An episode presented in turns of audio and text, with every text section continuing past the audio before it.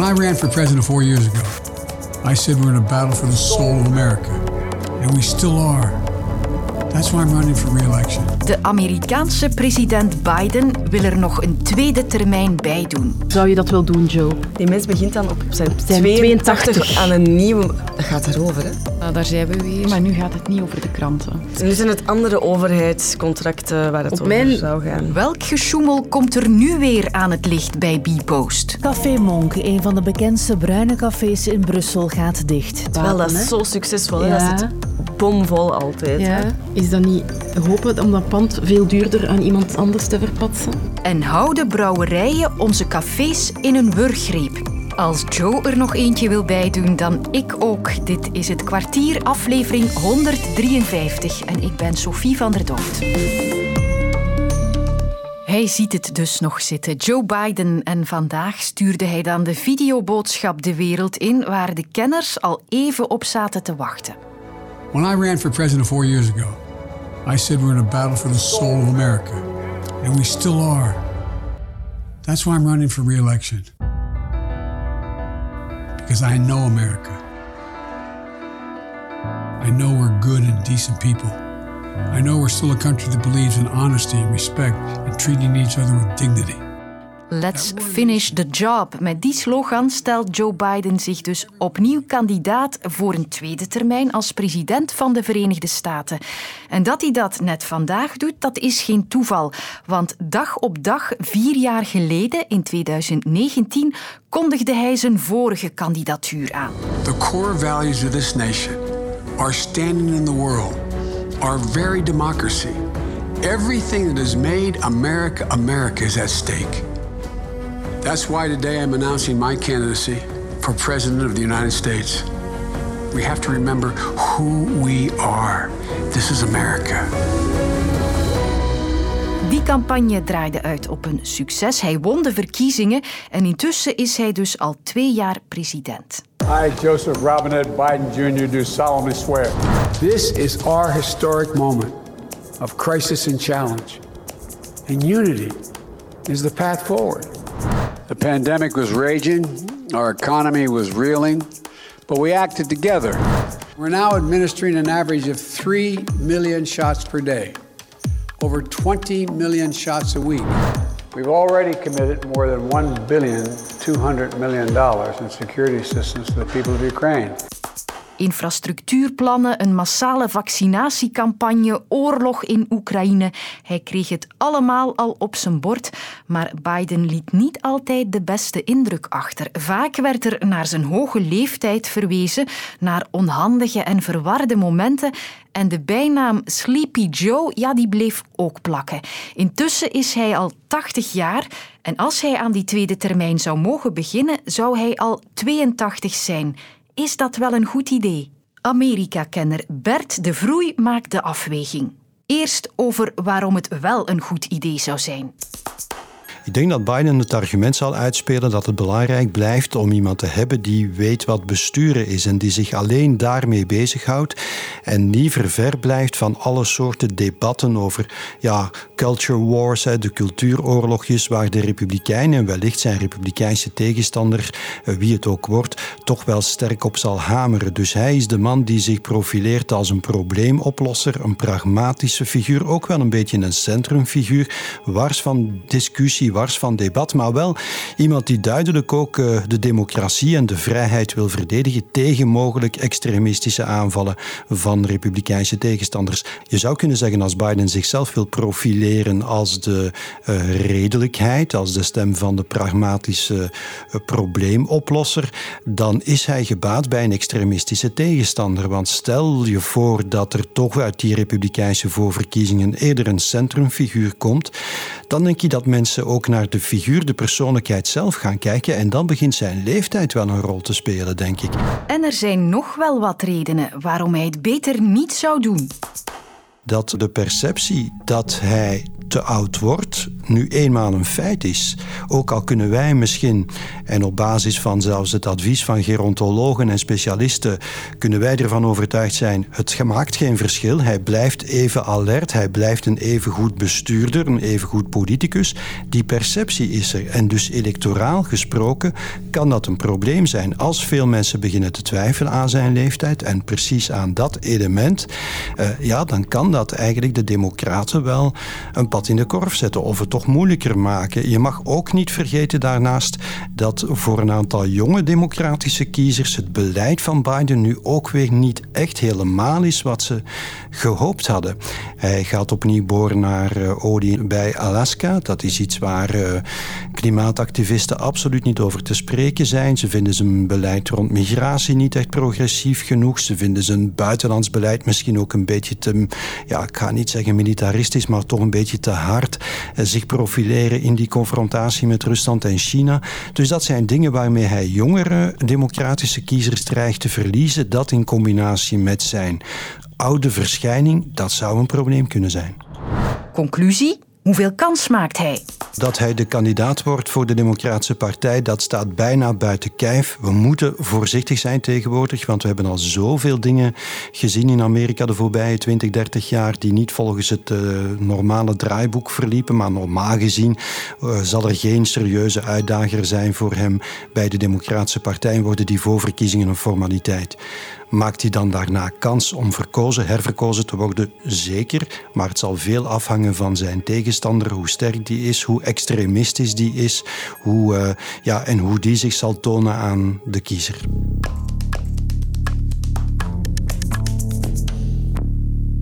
Morgen. De werkgever van onze postbodes komt opnieuw in opspraak. Dan heb ik het over Bpost, Belgisch postbedrijf en nog altijd voor de helft in handen van de overheid. En daar kwam dus nog maar eens slecht nieuws uit de bus. Voilà. En ik heb er Steven Rombout bij gehaald om uit te leggen waar het deze keer over gaat. Uh, Steven, drie dingen heb ik onthouden. Eén, ze zijn er bij Bpost achtergekomen dat er mogelijk iets mis is met een aantal contracten die ze hebben met de overheid. Ja, dat klopt. Twee, uh, Bpost is die overheidscontracten zelf gaan onderzoeken, omdat er vorig jaar al gesjoemel ontdekt was bij een contract over de krantenbezorging. Inderdaad. En drie, Bpost zegt er meteen bij dat het door dit nieuwe verhaal minder winst zal maken. Helemaal juist. En nu één voor één, Steven. Er zou dus iets niet kloppen met sommige contracten die Bpost heeft afgesloten met de overheid. Wat moet ik daar dan onder verstaan? Welke contracten zijn dat? Waar zit dan het gesjoemel? Wel, daar hebben we eigenlijk nog niet echt zicht op. Uh, Bpost heeft wel een aantal diensten voor de overheid, leverdiensten. Daar hangen contracten aan vast. Hè. Bijvoorbeeld een contract om verkeersboetes op te sturen, om uh, de nummerplaten terug te nemen, die mogen geschrapt worden. Ze heeft ook een soort uh, ja, kassiersfunctie voor de overheid, hè, waarbij ze eigenlijk ja, betalingen voor de overheid regelt. BTW-plichtigen bijvoorbeeld, die kunnen hun verschuldigde BTW eigenlijk via Bpost regelen, ook al beseffen ze dat wellicht zelf niet. Het kan zijn dat de overheid ja, te veel betaald heeft voor zulke diensten. Um, als dat zo echt het geval is, ja, dan moet Bpost dat geld terugbetalen. Dat zegt de minister van Overheidsbedrijven, Petra de Sutter. Maar allerlei contracten tussen ons postbedrijf en de overheid, dat is gangbaar normaal. Ja, op zich is daar niks mis mee, maar ze moeten wel correct verlopen. Ze moeten wettelijk in orde zijn. En ze moeten ook aangemeld zijn bij Europa als dat ook echt nodig is. Oké, punt 2. Er was al een voorgeschiedenis, hè, Steven. Vorig jaar was Bpost al betrapt op geheime afspraken om een contract binnen te halen voor de krantenbedeling. Wat was er daar dan gebeurd, voor zover we nu weten? Ja, toen de overheid een nieuwe aanbesteding uitschreef voor dat krantencontract, dan zou Bpost op een akkoordje hebben gesloten met twee grote krantenbedrijven, dus TPG Media en Mediahuis, en ook nog met een distributeur, PPP, dus een concurrent van Bpost. En de twee grote uitgevers die zouden een deel van de kranten die moeten verspreid worden tot bij de mensen thuis, zouden die hebben doorgeschoven naar die kleine speler PPP. En in ruil zou PPP dan niet meedingen aan dat contract, waardoor Bpost eigenlijk vrij spel had. En wat levert dat contract dan juist op? Wel, dat is een belangrijk contract voor Bpost, want op die manier kan het toch zo 3 à 4.000 banen houden. Anders zouden ze mensen moeten ontslaan. Door dat gejoemel bij Bpost zijn drie mensen toen moeten vertrekken, dus de CEO en twee directeurs. Dan nog mijn derde punt. Uh, Bpost is nu zelf met dat uh, mogelijke gesjoemel naar buiten gekomen. Zegt ook meteen, dit gaat wegen op onze winst. Ja, hadden ze dan niet beter gezwegen tot ze helemaal zeker waren hoe dat nu juist in elkaar zit? Uh, ik denk het niet, Sophie. Dat, uh, dat uh, kunnen ze niet maken. Dus ze moeten communiceren, want de Bpost is ook beursgenoteerd. En dat wil zeggen dat alle informatie die een impact kan hebben op de beurskoers, die met andere woorden beursgevoelig is, die moeten ze zo snel mogelijk meedelen aan alle aandeelhouders. En dat hebben ze dus gedaan. Met meteen een duik van het aandeel natuurlijk. Ja, dat is het gevolg. Hè. Dus de winst zal een pak lager uitkomen dan, uh, dan eerst verwacht, waardoor het aandeel een klap krijgt van zo'n 20 procent. En dan ben ik weer mee. Waarvoor dank, Steven.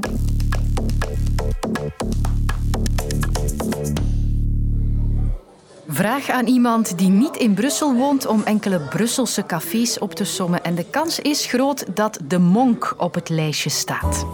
De Monk. Mm, lekker. Ik kan er van alles verkrijgen. Eten, drank en dans.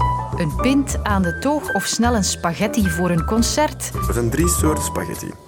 Die kan je dan versieren met verschillende soorten kazen. De Monk is een instituut in het hart van Brussel. Of beter was, want het populaire café moet vertrekken uit zijn vaste stek in de Sint-Katelijnenstraat. Een gevolg van een brouwerijcontract dat door cafébazen vaak omschreven wordt als een wurgcontract. Ik vroeg aan uitbater Filip Jans of hij me wil vertellen wat er precies aan de hand is. Jazeker. Hoe kan het dat een goed draaiend café zomaar zijn pand kwijtraakt?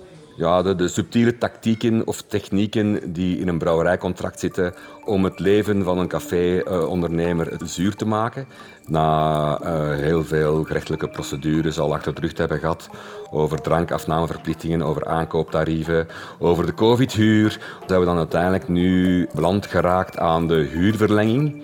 Dus zij hebben die huurverlenging geweigerd zonder enige schadevergoeding, omdat ze aan zijn komen draven met het, uh, met het voorwendsel dat ze het pand zouden afbreken en terug opbouwen, waardoor dat ze eigenlijk uh, ons kunnen buitenzetten zonder enige schadevergoeding te moeten betalen. Het is op zich een drogreden, terwijl wij toch bijna 300.000 euro hebben moeten investeren bij de intrede van het pand. Dat is toch eigenlijk schaamteloos.